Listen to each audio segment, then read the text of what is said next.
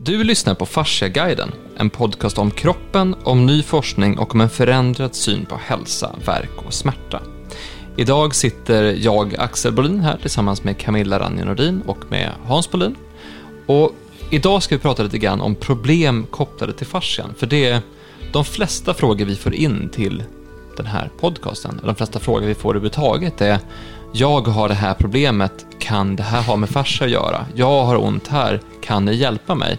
Och som jag pratat om tidigare så, så är det svårt ibland att göra en sån bedömning, för det är inte alltid man det är inte alltid man vet vad orsaken till problemet egentligen är. Vi har pratat om, om oxidativ stress, vi har pratat om obalans i bäcken, vi har pratat om hur kroppen, hur fascian tar emot olika typer av tryck och avlastar det här. Och ibland kan ett problem i, i knät i själva verket vara en stukad fot eller problem i axeln eller en, en obalans i sen barndomen. Vi har också pratat om hur tankar påverkar kroppen och så vidare. Men, men när, man, när man ger sig in i det här med att försöka förstå vad olika besvär kommer ifrån och vad, vad det egentligen beror på, ja, var börjar man då Hans?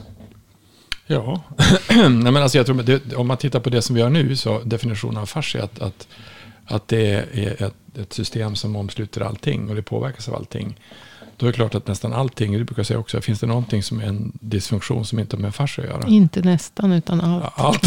så, så om, om, allt, om det är allt så kommer ju allting, så kommer givetvis det vara berörs av det. Om man tar en, en sån sak som eh, och sen så pratade vi förra avsnittet var jag pratade om inflammation. Eller om det är något som är kroniskt, som är stilla, som inte mm. funkar. Så vad sa du att allt, nästan all typ av, av eh, oxidativ stress? Ja, ja, ja, att inflammation är ju oxidativ stress. Och det kan vara lokalt, en, en lokal oxidativ stress. Alltså överskott av oxidation som inte kroppen klarar av. När, oxidativ stress är ju att kroppen inte hinner med att ta hand om de fria radikaler. Och så sen så blir det då en, en, en, en, en kronisk, alltså en, en, en kronisk eh, låggradig inflammation. Mm. Och den kan ju påverka, då blir det för lite flöde och för lite rörelse och då kommer du förmodligen att få ont. Det där visar man ju 2015 när vi var i, i Washington så visade en, en karl som heter Sigfrid Mense att, att eh, ryggverk förmodligen är kronisk inflammation i lumbarfascian. Mm. Och det har Helen Lenguin också visat, fast hon visat med, hon är professor i, eller hon är forskare i Kanada, eller hur? Mm. Hon har visat det, fast... Det, Onkolog. Och, och, och hon har visat att, att i lumbarfascian, om de har ont i ryggen, så är den mycket tätare. Mm. Och då är det för, jag tror det var 25 procent tjockare och... Ja. Eh, och då, då sen så har jag hittat en annan forskningsrapport som egentligen var på att man, då hade man använda termografi som egentligen visar värme. För att visa eh, i nacken då. Och det, och det också eh, Torsten Gård visat att all, all 100% av alla som hade whiplash hade eh, inflammation i nackrosetten. Så, så mycket, eh, mycket verk ju, kan man säkert förklara med att det, det, det, är, det är förtätat och det står still. Det är inget, inget flöde. Eh, sen hur man ska visa det, alltså det som är det luriga egentligen som Eh, Lenguin gjorde, hon använde ju ultraljud för att visa förtätning. Mm. Eh, och då frågan hur... Och då ser du kollagenet, du ser de, den täta. Men du, ser, men du ser inte inflammationen? Nej, och nej. du ser och... inte grundsubstansen. Nej. Vilket då Stecco menar på att, eh, på hela familjen Stecco. Eh, att själva grundsubstansen, det är ju där som, som det tjocknar. Det är ju där det sker en förtätning först. Okay, in, innan så det, blir, det, istället, det är där det börjar och det ser du aldrig någonstans. Istället för schampo blir det trögflytande schampo. Mm. Ja. Istället för schampo blir det... Ja. Och det här var ju Vibeke Elbrund inne på också när vi pratade med henne. Du och jag åkte ner och träffade, mm. intervjuade henne 2018 på våren. Att fascians anatomi, alltså strukturerna som finns där med fibroblaster och kollagentrådar och, och grundsubstans och hur saker hänger ihop och, och att man, när man drar här så händer det saker där borta eh, och att den här fraktala strukturen går igen i olika nivåer i olika delar av kroppen. Det kan man ju se med mikroskop. Det är där, det är anatomi, det mm. finns saker som, är, som det är, inget, det är inget hokus pokus, det är, liksom, det är på riktigt. Du kan, du kan se vad du tar på det. Mm. Men just Ja, vad betyder det då? Att, att de här mätinstrumenten för att just se vad händer vid ett sjukdomsförlopp över hela kroppen med tanke på alla aspekter och alla saker som kan hända. Det är svårare att se idag och även vad som händer vid till exempel en behandling. För, för mätmetoderna finns inte riktigt där för att kunna göra alltså, den jag, tror, jag, tror ingen, jag, alltså, jag tror ingen har gjort det. Jag tror ingen har tänkt på det från det perspektivet. För jag, vi tittade på att man kanske skulle gjort, man kanske skulle gjort en infra, alltså mäta med, med termografi, mäta hela kroppen, alltså i topp till tå, hur man mm. egentligen ser ut. Och det vet jag att de har gjort i, i, eh, i ett, i ett, eh, ett spanskt projekt, med bland annat jobbar med Barcelona och andra fotbollsklasser. Alltså de, de mäter då med termografi och tittar om, om spelarna kommer bli skadade. Alltså är, mm. finns, det, mm. finns, mm. det, finns det, alltså har de blivit förtätat, finns det någonting som är mer, mera varmt? Och då, och då kan man se, då kan man förebygga innan man går sönder. Man ser innan, alltså vad som händer innan man går sönder. Så jag, tror att, jag tror att det mer handlar om, om sätt att se på hur, hur allting sitter ihop. Eh, och det har man inte... Jag, jag, jag kollar nu på, jag satt och kollade på, vi hade bilddiagnos förut som vi gjorde. Eh, och jag tittar på att man kan göra 3D-diagnos istället. Alltså man, man, man gör en 3D-figur. Det svårigheten är att ha, om vi gör en 3D-figur, vem ska torka 3D då? Hur ska vi titta på det? För då har man som fyllt i något annat och gör på ett annat sätt. Eh, men vi behandlar ju, det har vi tror jag inte sagt någonting, vi behandlar mycket med maskin.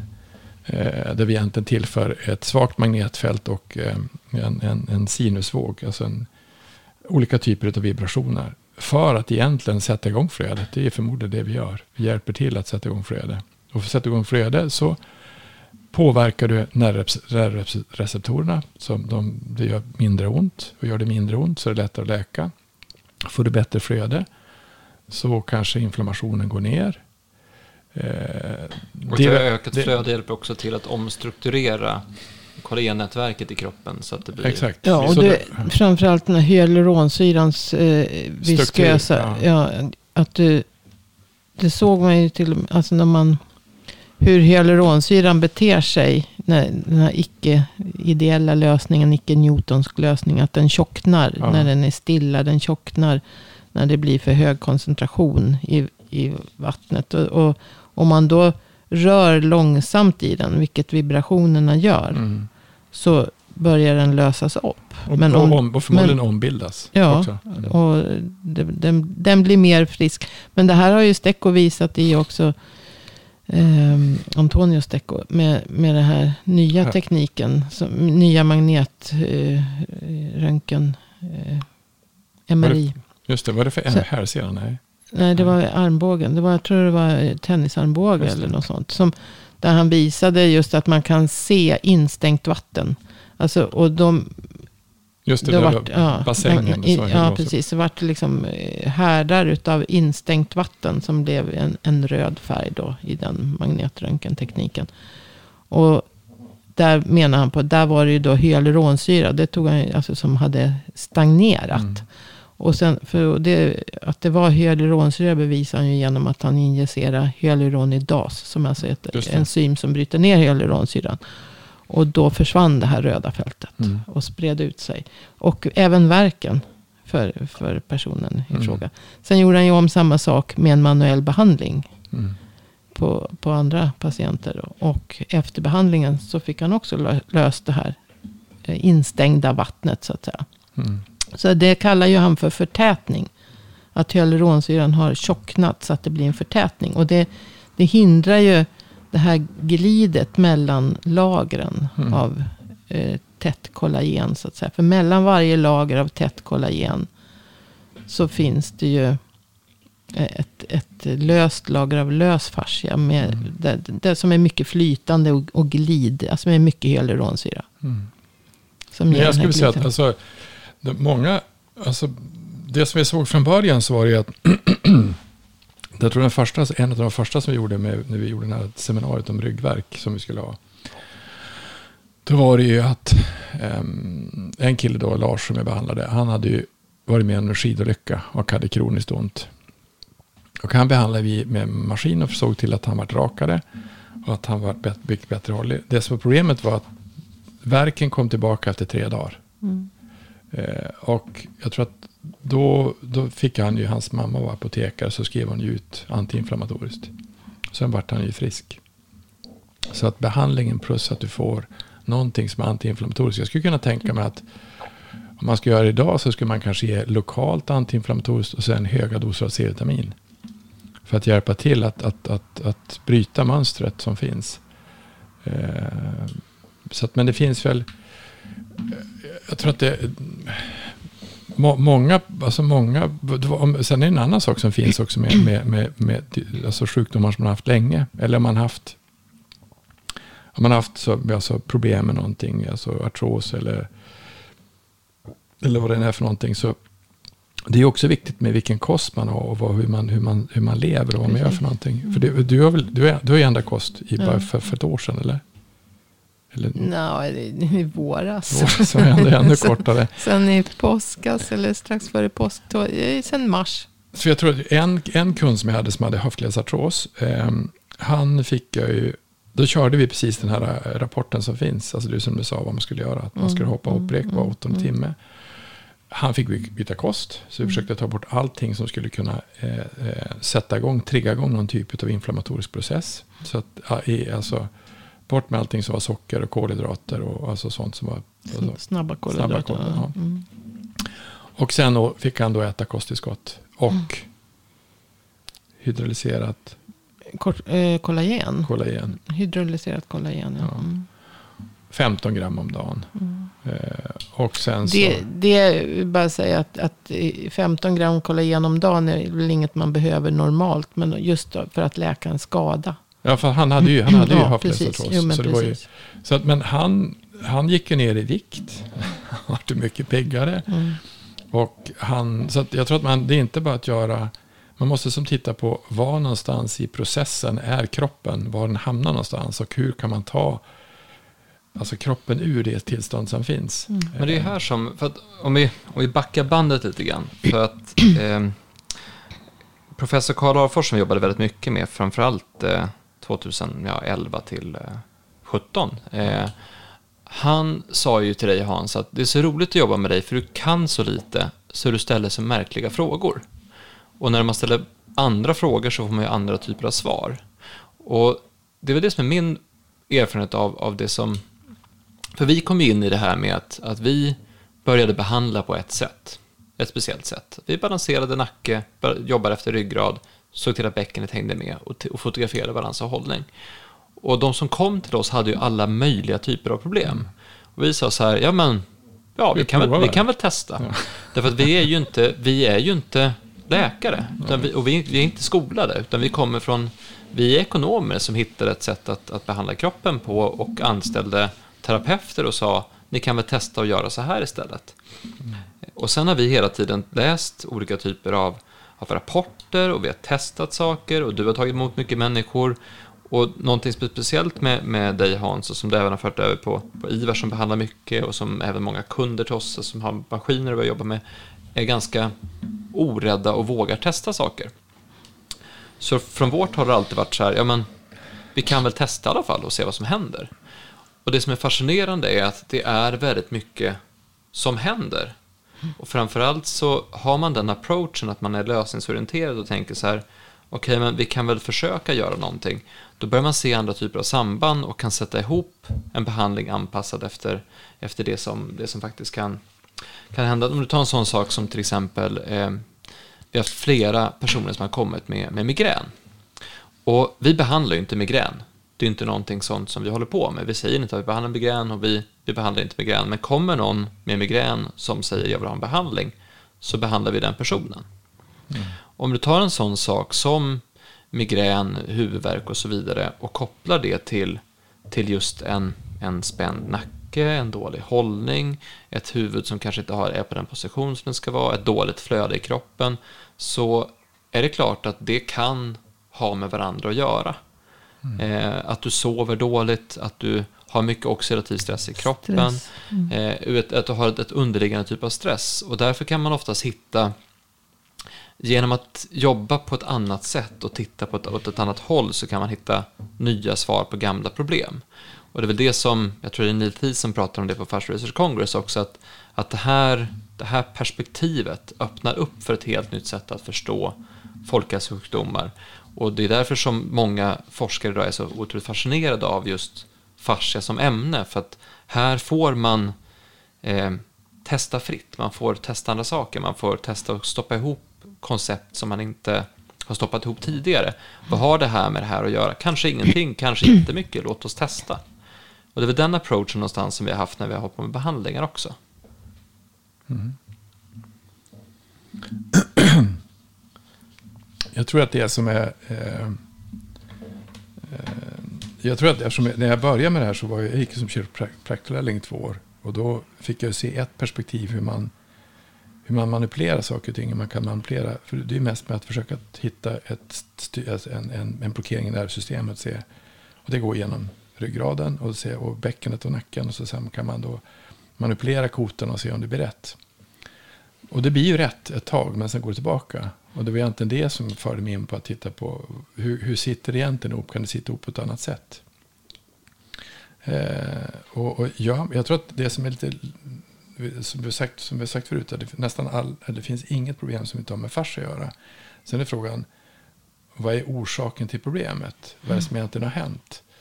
Eh, och, men du har haft, du har, du, du har, det finns väl ganska intressant med, med, om du tar hästar. Hästar kan ju vara, de kan ju bli rädda för någonting. Och det, och det sitter kvar. Eller hur? Visst kan mm, någon häst ja, bli rädd ja. för någonting. Och så behandlar du ena sidan och så kommer du på andra stället igen. Och så är det samma sak. För de har ju de har ingen koppling mellan skallarna. Ja, det har de. Du sa hon det. ja, men visst, är, visst, är häst, visst är hästarna så att de kan bli lite... Alltså de kan bli rädda för någonting och, så, sen så, och det sitter fast. Och så kommer man på nästa sida och ska behandla igen och så sitter det fast i alla fall. Är det inte så? Jo, jo.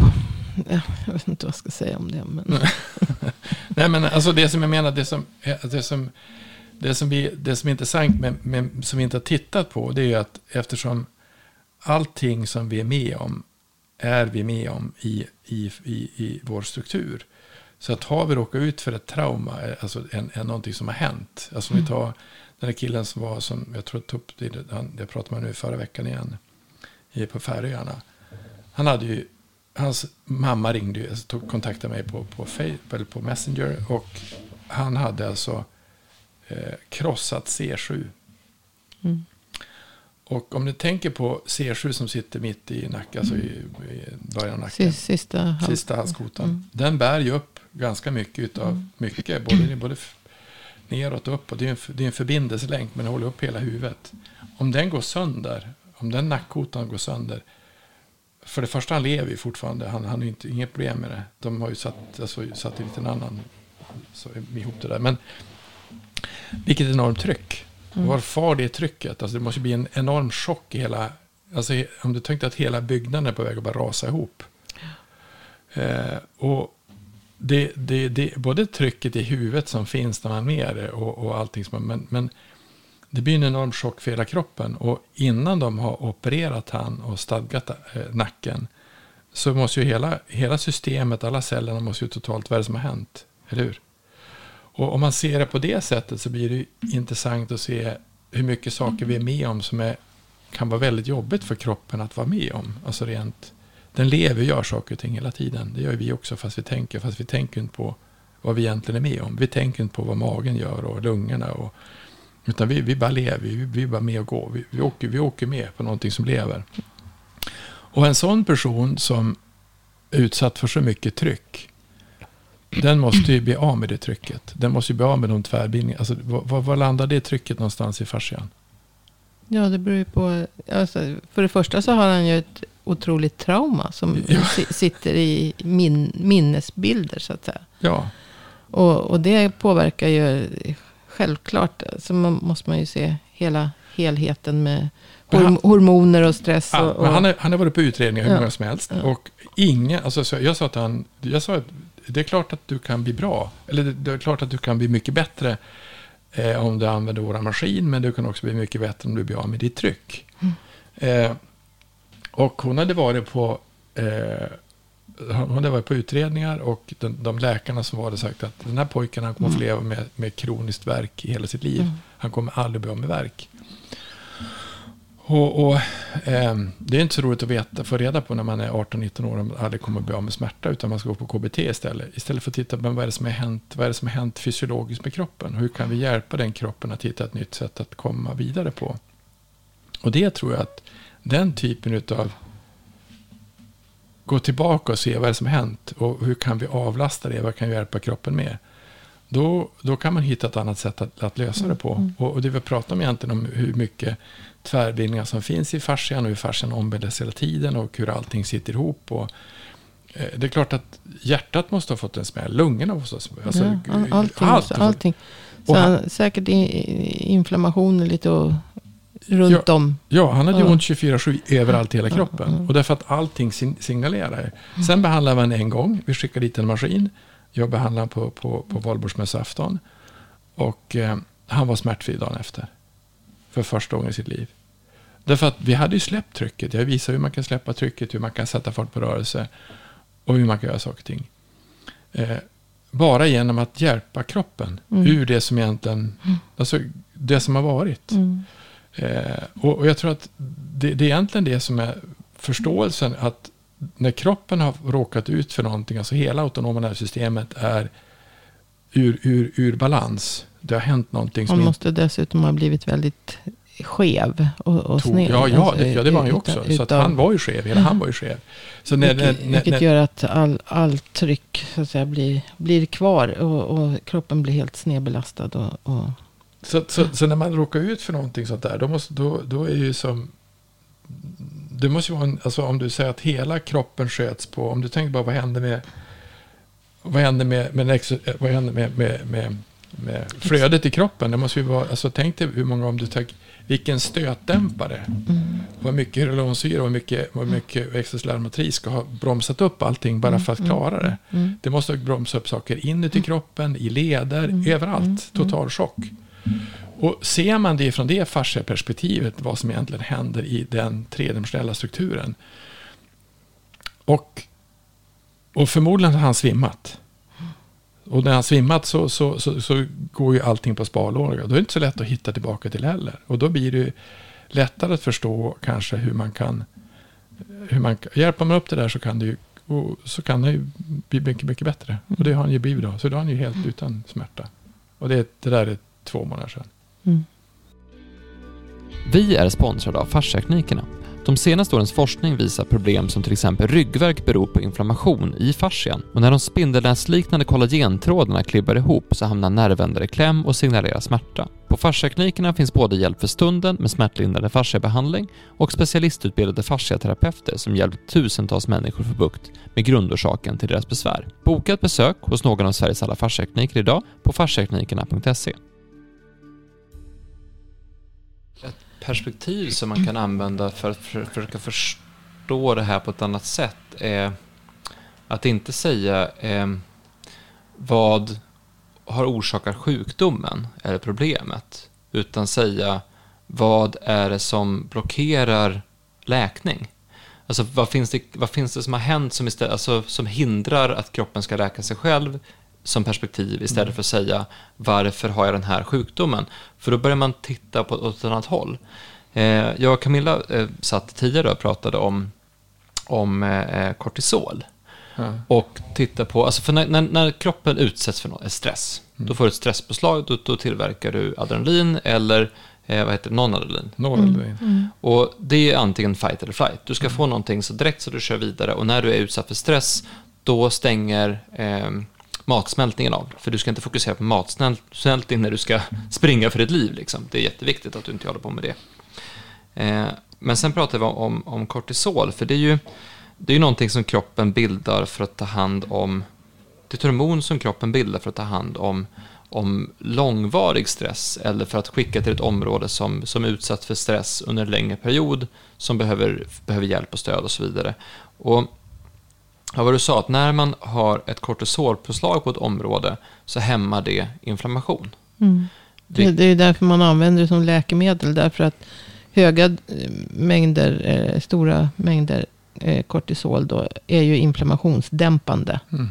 Och det minskar också smärta. Ja, det, och eftersom inflammationen försvinner så minskar det ju smärtan. Så att säga. Men, men eh, det har ju nackdelen också att det dämpar immunförsvaret. Och minskar läkningen. Och- så att området läker ju inte som det Nej. ska om det finns ett kortisolpåslag. Utan det är, det, är, det en kortsiktig lösning som kroppen har för att ta hand om ett område som är problematiskt för att det inte ska göra för ont.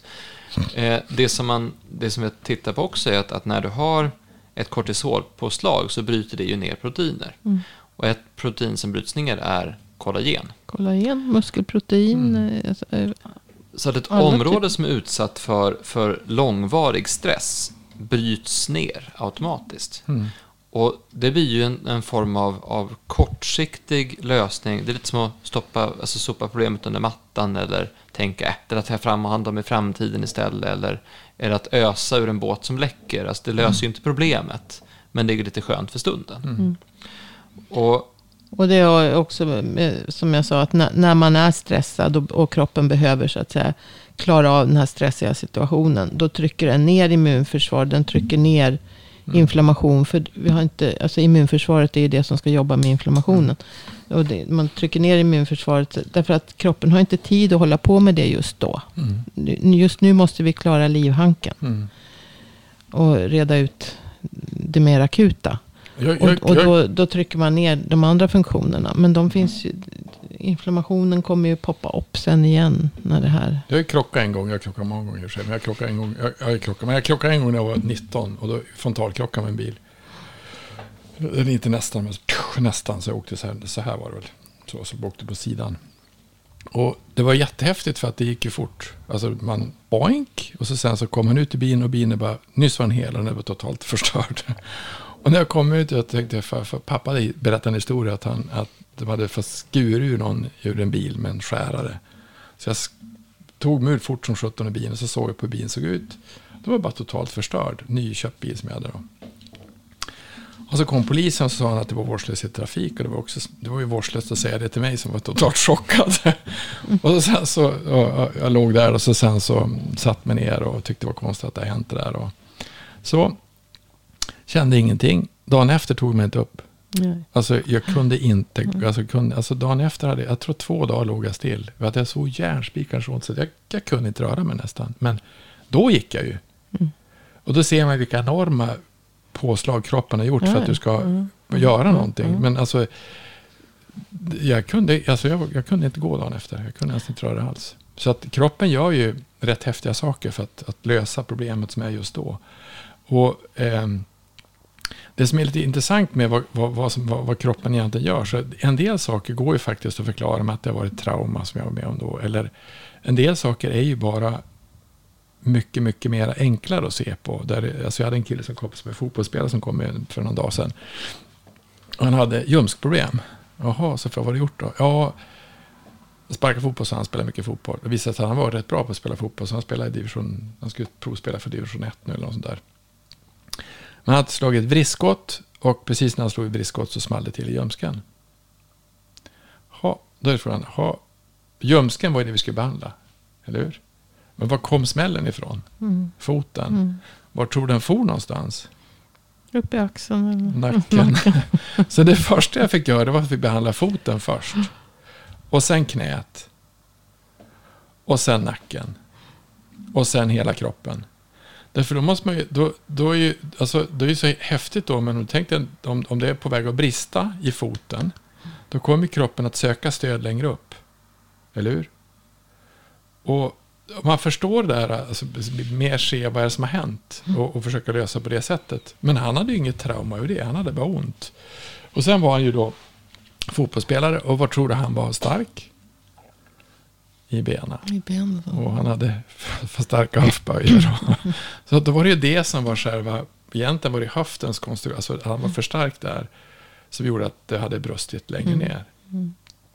Så att jag tror att det är mer att följa efter hur, hur, hur fråga kunderna vad de har varit med om för någonting och se vad är det för någonting. Är vi skapta för att spela fotboll eller ja, kanske inte. Är vi, är vi skapta för att spela hockey kanske inte eller rida eller och gör man saker för mycket så kommer ju kroppen att bygga en sån kropp. Mm. Eller hur? Mm.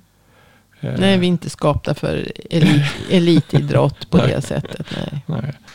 Eh, och så att ehm, Nej, men med det sagt då, så, så är det bra att när man då ska diskutera specifika problem, som vi tar till exempel en läsarfråga om, om jag har det här problemet, varför har jag det? Så är det inte så att det alltid är så att ryggverk alltid har att göra med det och det och det. Utan det blir väldigt individuellt för den person som kommer. Därför den person som kommer kan ha varit med om ett unikt rörelsemönster, har unika kostvanor, eller som jag berättade i förra avsnittet om den här personen med compartment i underarmarna som drack väldigt, väldigt mycket läsk. Eh, och så hade han väldigt mycket socker i kroppen, det kan också påverka saker. Du kan ha långvarig stress, att du har legat under väldigt mycket press på jobbet under en speciell tid, eller att det kan vara rörigt hemma. Du kan ha tankemönster med dig från när du var liten, så vi pratar inte avsett om tankar. Så det finns väldigt många olika saker som kan ligga mm. till bakgrund för att personer har problem. Men med det sagt så brukar vi säga så här, jaha, nu kommer någon med, med eh, det här problemet. Ska vi behandla? Ja, vi testar och så kör vi och så ser vi vad som händer. För kroppen har ju också en förmåga att, att läka väldigt, väldigt mycket.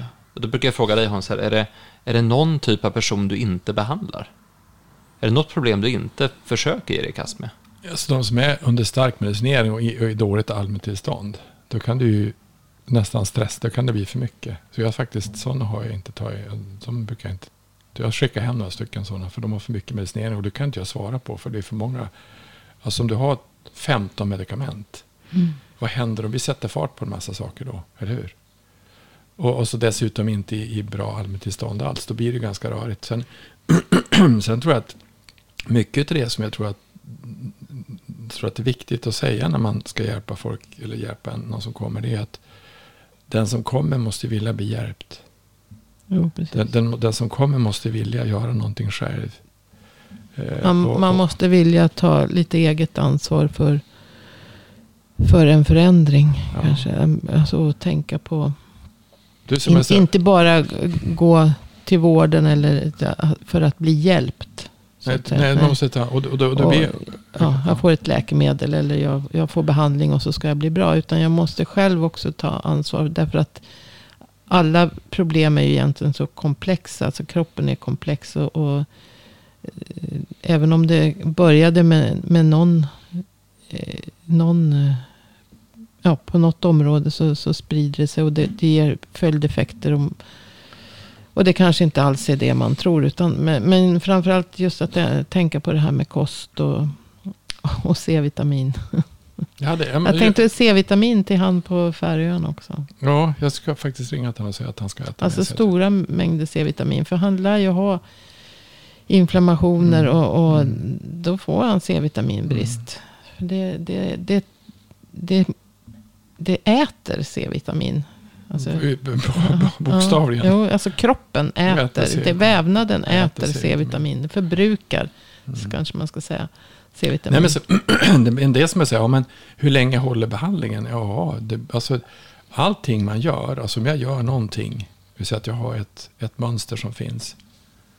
Eh, och så sen så, om jag, och så sen så om jag fortsätter med det jag gjort så mm. kommer det förmodligen att komma tillbaka igen. Mm. Mm. Så vi kan inte, alltså, när man gör en behandling för att försöka sätta igång kroppen och så gör man något helt tokigt efter med den. Det var ju någon som hade, som hade fått någon, var inte någon vi hade som var användargrupp som hade varit på någon karl som varit typ halvförlamad eller inte kunnat gå. Och så fick han behandling. Första han gör det gå ut och en mil stavgång. Det mm, ja, men det, det, var jag faktiskt. var, det du, var det du som berättade det? Nej, det var inte att han inte kunde gå. Han hade ont i en axel och hade haft ja. i en arm och hade haft det i 50 år. Ja, fem, inte fem, fått ja. hjälp. Och så vart han så, när han vaknade morgonen därpå så, så, så sa han, jag trodde att himlen ramlade ner. Det var ju så fantastiskt att, att jag hade inte ont i axeln. Mm. Och sen så nästa gång jag träffade honom var det bara någon vecka senare. Då hade han så ont överallt. Och så sa frun att ja, men han gick ut och gick stavgång. ja, men det är ju inte så lätt. Det är inte så lätt då. Så att det är, det är all, allting beror ju på, på hur, man, hur man gör. Hur man tar sig fram. Man kanske kan börja lite försiktigt. Då, framförallt efter en behandling. Och som han då hade en enorm effekt. Mm. Eh, så att, eh. Men sen, alltså, jag hade någon som kom, jättesvår, alltså en, jag tror, alltså, en del som, som om, om jag har en, en om jag har tankar som är röriga, i, alltså jag, jag går och tänker saker och ting som inte är speciellt positivt, så, så det blir inte så roligt då att vad leva. blir det? Det blir, Det blir- psykisk stress. Det blir psykisk stress. Mm, och, mm. och förstår man att, att tankar som är negativa blir också, också, också stress. Mm, Då förstår man att tankar kommer göra faktiskt fysiskt kroppen sjuk. mm. Du, du försämrar din, ba- bara, bara såna, om man nu ska ta sådana enkla saker att ta på som just kortisol, stresshormoner, eh, försämrad, försämrad eh, matsmältning, mm, bakteriefloran i tarmen Ja. som mår eh, pyrt.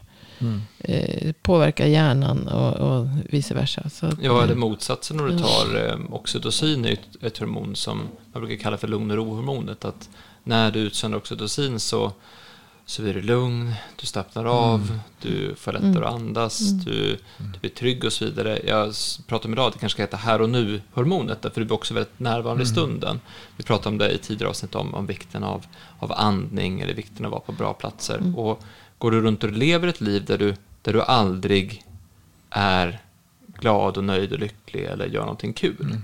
då kommer det också att få en negativ effekt på kroppen. Så det är viktigt att vi, att vi, vi, vi, har ju, vi har ju hormoner i kroppen som sätts igång och gör saker baserat på, på vad vi gör och hur vi beter oss och hur vi mår och hur vi känner. Och det här hänger ju ihop. Absolut. Men om man tar bara, eh, nu har vi pratat om lite speciella, alltså speciella case och så pratat och så här, men om man tar vanliga, vanliga problem som, som vi har kopplat till fascia. De mest givna är väl olika typer av nackvärk, ryggvärk, ryggskott. Eh, ljumskproblem har tagit, tog det upp, muskelproblem har tagit upp, muskelspänningar och så vidare. Där är det väl rent av att, att det, det är, det är eh, tjockt, är det kläm, eller obalans, eller det för mycket tryck på ett område. Så de är ganska, ganska tydliga. Mm. Eh, men om du tar en sån sak som, som eh, en tennisarmbåge, eller även kallat golfarmbåge, eller musarm, eller någonting sånt. Vad, vad sitter det i oftast i, i fascian? Hur är det relaterat till, till fascian? Den är ju, det är ju ganska intressant. Man kan ju bara ta röra fingret fram och tillbaka och känna hur känns armbågen. Det kan ni sätta sig och göra. Så är ju, armbågen är en led som, som får mycket trafik.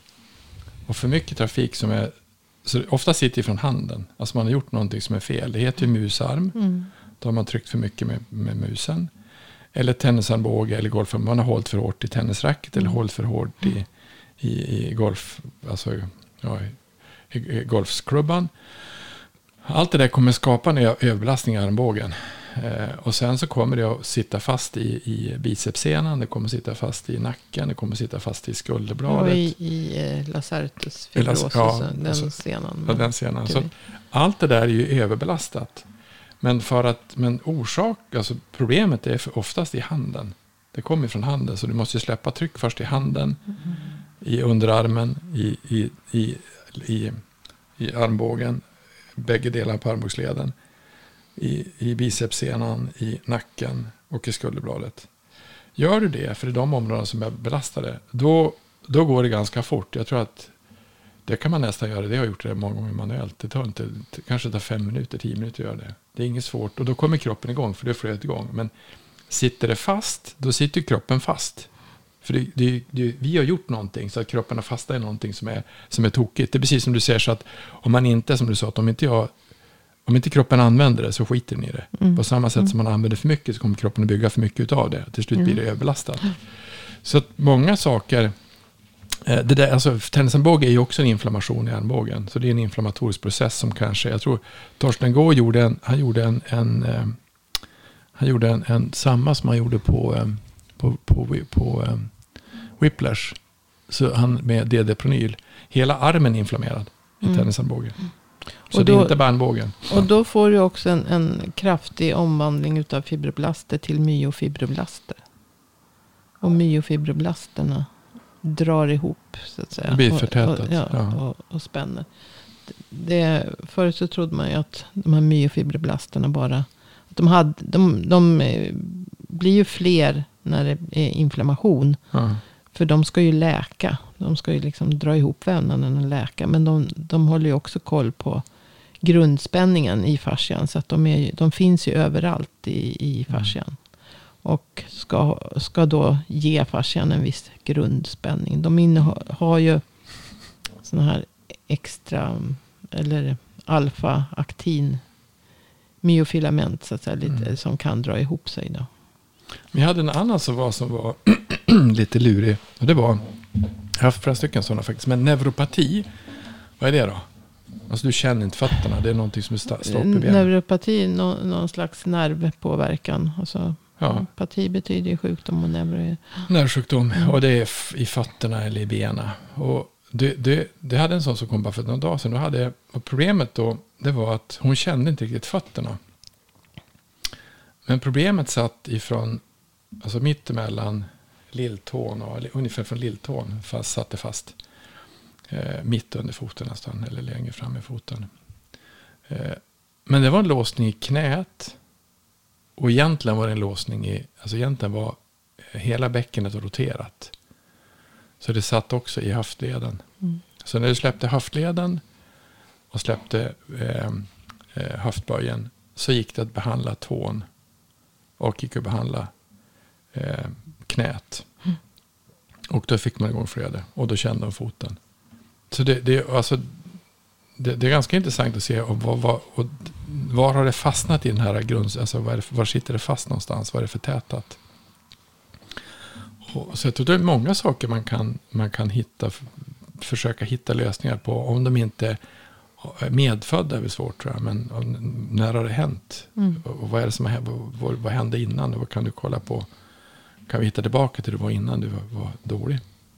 Men man kan ju väl alltså, eh, dela in det här i lite olika grupper. Alltså det är en typ av, av eh, som vi sa, ryggvärk, nackproblem, alltså så, muskelspänningar, sånt som är att, att det har varit en obalans eller en felbelastning eller någonting sånt under en längre period och så sen har det här fått ett resultat. Eller så har vi de som är mer rörelserelaterade som just eh, eh, tennisarmbåge eller för den delen löparknä som vi pratade om för, för två avsnitt sedan, att man har, man har fått för mycket tryck i knät när man har sprungit. Ehm, och frozen shoulder har vi också pratat tidigare om att, att det, är en, det är en vävnad som har blivit eh, fibrös för den har fått, fått en viss typ av belastning. Men sen har du de här lite mer hållningsrelaterade problemen som många söker på. Jag tänker på, på eh, skolios eller ischias eller att man har olika långa ben och den typen av saker. Eh, för då är det mer att man ska titta på men hur, då har man förmodligen haft problemet under, under en längre period. Och då pratade vi till exempel förut om det här med sambandet mellan en, en eh, förlossning som inte riktigt har gått som den ska och skapat en obalans och att man har gått runt med den obalansen i, i tio år och så sen där uppstår den här typen av problem efter det. Men där är det ju svårare att det kan vara lite mer utmanande att behandla någon med en kraftig skolios och få den personen att bli eh, bra till exempel. För det har du också testat Hans. Men alltså egentligen är alltså, om det är alltså en, en, de skolioser som jag behandlar så är det ju, då, då är det ju, de är ju för spänd på en, på en sida. Det är för mycket. Ha, eh, andning också där. Han, Ja. min andningsguru. Han hade ju, de hade ju botat en skolios med hjälp av Andning, ja. ja andning. Ja. Djupandning, alltså medveten djupandning. För den sitter ju i För- mitten. ja. Om det sitter i bröstryggen så är det ju andning. Precis, för, därför att kroppen slappnar av och, och till slut så rätar det där ut sig. Mm. Och just att man jobbar med diafragma och spänningarna försvinner. Autonoma nervsystemet och vagusnerv och allt. Alltså, Jag hade en kille som, påverkar hela hållningen. ja, jag hade en kille som behandlade när jag började på osteopatutbildningen som jag med IT. Alltså, han hade ju skolios. Men den gick ju att ta bort ganska, så den gick att få neutral. Gick till och med på någon behandling. Problemet är att så fort han sätter igång och belastar sen. Då kommer hans kropp att gå tillbaka till Ja. den, den som var innan. Såklart. Så att man, det svåra egentligen när du ska ändra hållningen. Och du måste se på hur ska du, hur ska du komma över dit. Och det, det, det jag tror jag hade nu också. Någon som, alltså de som, han som, han var 50 år som började tokmotionera. då det, det, det kan ju också nästan bli en chock för kroppen. Ja, han var 70. Han hade haft det där sedan han var 20. Ja men det är helt, eller hur? Så att, så att man, men, eh, eh, man, man får väl ta, jag tror att det som egentligen är, det, det märkliga egentligen är att vi tror att vi tror inte så mycket på någonting. Men vi tror att vi kan bli frisk på en gång. Mm. Och det är ju ganska... Och Det vi, det är vi ganska- tror det- också det- att någon annan ska fixa oss. Det är Alltså, ännu- det är vi lite vi så. tror inte att vi ska bli friska på en gång, men vi förväntar oss Att vi ska bli friska på en gång. Och det, och det, det är ganska... Alltså, nu, vi har ju sådana här behandlingsrapporter som man fyller i och frågar vad de är med om. Det finns ju de som har skrivit nästan hur, hur långt som helst. Och så sen så vad förväntar vi? Lite, lite bättre eller bli helt bra. Och så var ska man börja? Alltså det var ju någon som jag behandlade som hade... Alltså, jag höll på med frozen shoulders fem gånger. Men hon hade haft ont i 30 år. Om hon började bli bra på en gång. Jag tycker det här var oseriöst. Jag tänkte, Så kan det inte vara. Så att det tar, en del har ju förståelse för att det tar tid att bli, komma tillbaka. Men, men gemene man förstår nog inte riktigt hur lång tid det tar. Oftast hur lång tid det tar. Och sen att de, de måste vara med på processen själva. Och sen en annan sak som vi gjorde, det gjorde vi med studien också på Frozen Shoulder, det är att det är så fascinerande att vi, det vet jag själv, jag har sagt det förut när jag har magsjuka, när jag har magsjuka då, då är jag jättesjuk och då tycker jag synd om mig själv. Och sen så har jag glömt bort hur otäckt det är att vara magsjuk. För jag är ju frisk. Mm. Och samma sak med folk som har ont. Ja, men jag är ju alltid frisk. Alltså för en vecka, för en vecka sedan var de dösjuk. Men vi har ju haft folk som har skrivit, jag frågar hur, hur, hur sover du? Har de sagt, nej men jag sover riktigt dåligt, jag vaknar upp flera gånger per natt och jag sover sällan hela nätter och så vidare. Och så en vecka senare, eh, hur sover du? Ja men jag sover bra, jag sover alltid bra. Samma Så, person. så har de förträngt allt. Allt de har varit med om har förträngt på en vecka. man märker inte förbättringen. Men, Nej, eh, det är lite fascinerande. Men det är inte så konstigt heller, därför att i hela vår kultur så har vi ju blivit... Man pratar ju om att ja, men du kan alltid ta ett piller, ett smärtstillande eller någonting som gör att du blir bra. Och då är någonstans förväntningen att du blir bra på en gång. Men, men det är egentligen samma sak som det här vi pratar om med, med, med kortisolet. Att det blir ju bara en, en tillfällig lindring av det blir just som att lapp, la- lappa igen ett tak som läcker på flera ställen. Alltså det, blir, det, det blir en tillfällig lindring av ett... Det är inget bot, utan det, det är ett, syst- ett symptom. Det är en lindring av ett symptom, men den tar aldrig bort orsaken. Men, men om du tar, som vi hade, någon, jag hade någon som kom, eller det är flera stycken som kom till mig, så de, de har li, lite av utmattningssyndrom. Alltså de har kört in i väggen. Och då, off, och jag skrattar ju, men det, det, det är intressant hur de, hur de ser på det de gjort. De har kört in i väggen. Och de bara backar ut och så kör de in på igen. Och så, så kör de på igen. Och Så, så, så om man har varit sjuk, så det tar ju, jag har ju varit utmattad själv. När man, när man gör det, då har man kört hårt länge. Det- det- Du blir inte utmattad på ett år. Utan det kanske tar tio år. Och när man kommer dit med, en sån, med ett sånt påslag, och sånt stresspåslag som man har haft, då är man ingen fräsch. Alltså då mår man inget bra. Och då tror man att, och det, det är inte bara att köra upp ur diket, utan du får köra i diket ett tag. Och och så ner upp och ner och upp och ner och upp. Och, men många tror att, ja, jag var utbränd 2020 och nu är jag här. Jaha, och hur mår du nu då? Jag jobbar bara 25 procent. Och vad- vill du någonstans? Man har inte förstått hur, hur, hur enormt mycket man har kört sönder hela systemet.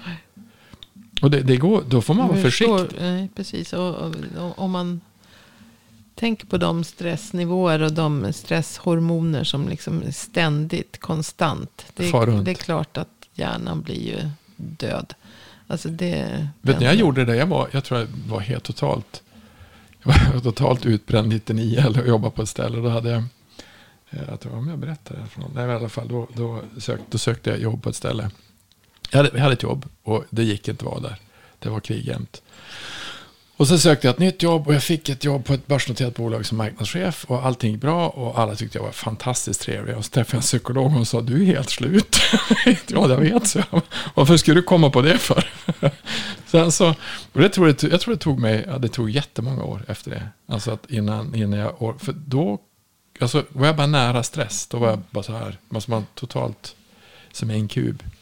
Så att, men det är, många förstår inte hur, hur, hur, lång tid det tar att, att, det är inte säkert det går att läka överhuvudtaget. Alltså hur lång tid det tar att, att hitta Det lugn. tar lång tid. Men där är ju eh, C-vitamin. Att man inte rekommenderar C-vitamin. Jag tror, det, det, det- jag tror att det är kanske något man ska göra mycket mer. Höga doser C-vitamin. Höga doser C-vitamin. För, för, Är du utbränd? Ja, då, slig- då har man sådär, Ja. sig intravenöst och så ligger det, man. det, det låter som någon enkel, men det Nej, är det ju skulle en vara- bidragande för, för att om man tänker den enorma oxidativa stress som, som hela tiden systemet utsatts för då, om man går och konstant kortisolpåslag och, hög, alltså då, och höga blodsockernivåer som påverkar hjärnan. Det är klart att hjärnan blir utmattad. Mm.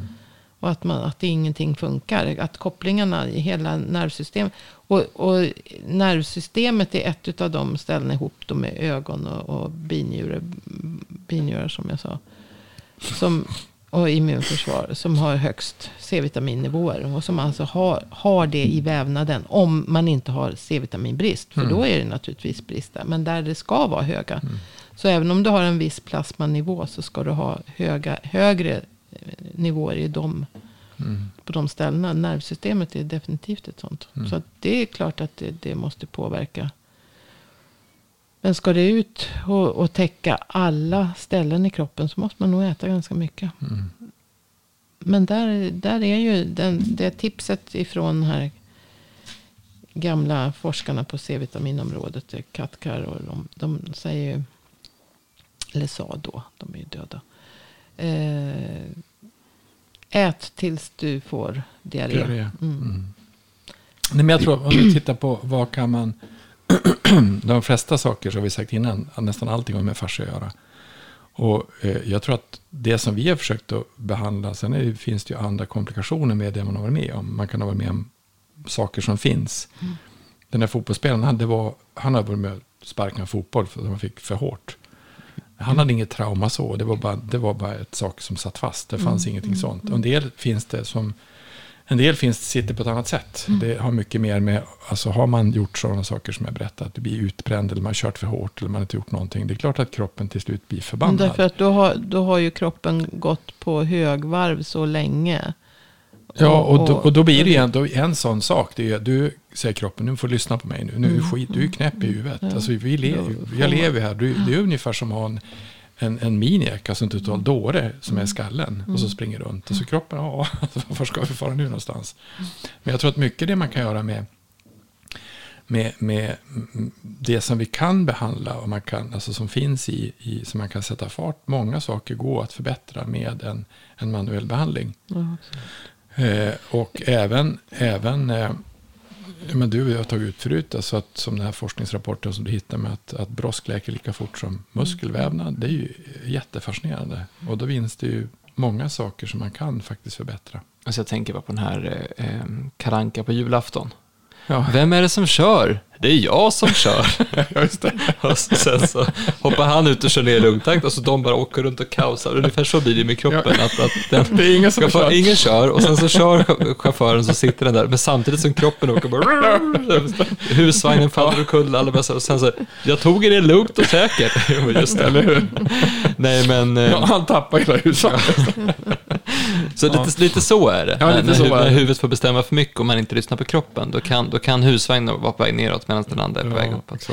Nej, men någonstans så kan vi säga att vi, ehm, det här, att prata om problem kopplade till fascian, det är ju ungefär som att doppa, doppa tån i ett stort hav. Det finns ju hur mycket som helst man kan prata om. Och, men framför allt det som vi har pratat om mycket i den här podcasten, då rekommenderar jag framför allt att lyssna på avsnitt eh, 19, avsnitt 20. Det är den, den individuella aspekten av det. Att, att jag, det är inte varför man blir sjuk, utan varför jag blev sjuk.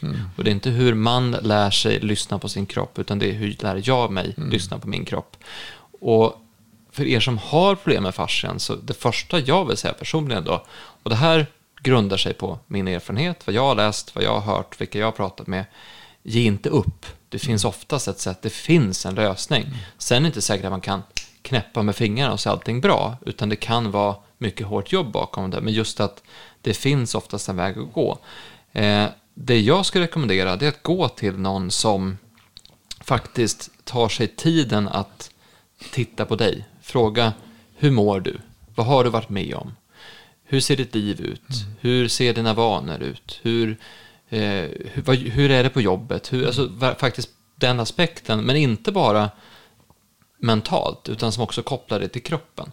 Så att du inte separerar huvudet och kroppen, utan för ihop dem och sitter verkligen och pratar. Men, men, men hur är det? Vad har du varit med om? Vad har du gjort för någonting? Hur länge har du haft ont? När dök det upp? Vad hände sen? Och sen tar sig tid och, och gör en, en behandlingsplan.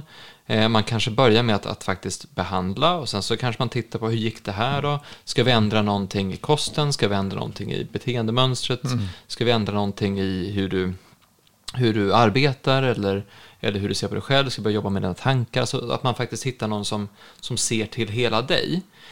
Det positiva med det här är att det finns jättemånga människor i Sverige som har den här kompetensen. Mm. Det finns jättemånga professionella manöverterapeuter man kan gå till. Eh, det finns tusentals. Eh, vill man gå till en sån här terapeut kan jag varmt rekommendera att gå till fasciaklinikerna. För det är personer som jag själv har, har pratat med, kvalitetssäkrat, de vet vad de håller på med. Det finns såklart massa annan hjälp att få också. Men, men där är en, en, en början att gå till någon som faktiskt kan, eh, som lyssnar på dig och, mm. och, och tar sig an dina problem med ett personligt engagemang. Ehm, så det, vi kommer prata mycket mer om problem kopplade till fascia. Vi har dels ett, ett avsnitt planerat inom kort där vi ska prata om, om eh, det endokrina systemet och om hormoner och framförallt prata mer om, om specifika problem relaterade till, till kvinnor, för det är någonting det pratas alldeles för lite om idag. Mycket om fibromyalgi, eh, vi kommer även ta upp lite lipödem och sådana saker. Men, eh, men det får bli ett annat avsnitt, för nu kommer den här podden ta sommarlov. Mm. Eh, jag måste få säga att det var väldigt kul att få bestämma att vi skulle spela in ett avsnitt i veckan med Hans och Camilla. Mm. Eh, och vi fortsätter med det i höst tycker jag. Mm. Så Absolut. glad sommar önskar jag till allihopa. Mm. Tack detsamma. Mm.